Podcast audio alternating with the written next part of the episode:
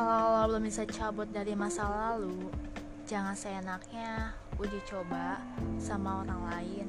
Karena yang namanya hubungan pasti pakai hati. Dan bukan hati lo doang. Ada orang baru yang gak tahu apa-apa, tapi harus nanggung sakit lo juga. Kita nggak bisa salahin Iya, nggak bisa salahin dia dengan pembelaan. Ya salah dia, cepat banget baper. Kita nggak pernah bisa nebak hati seseorang.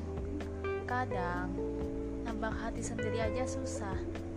Jadi selesain dulu apa yang menurut lo belum selesai.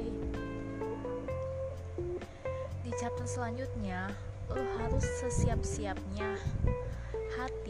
Hati gak punya asuransi. Kalau nggak bilang enggak kalau iya bilang iya. Jadi lo bisa cegah dari awal sebelum lo nyakitin orang yang gak bersalah di endingnya. Coba ngomong aja gak apa-apa kok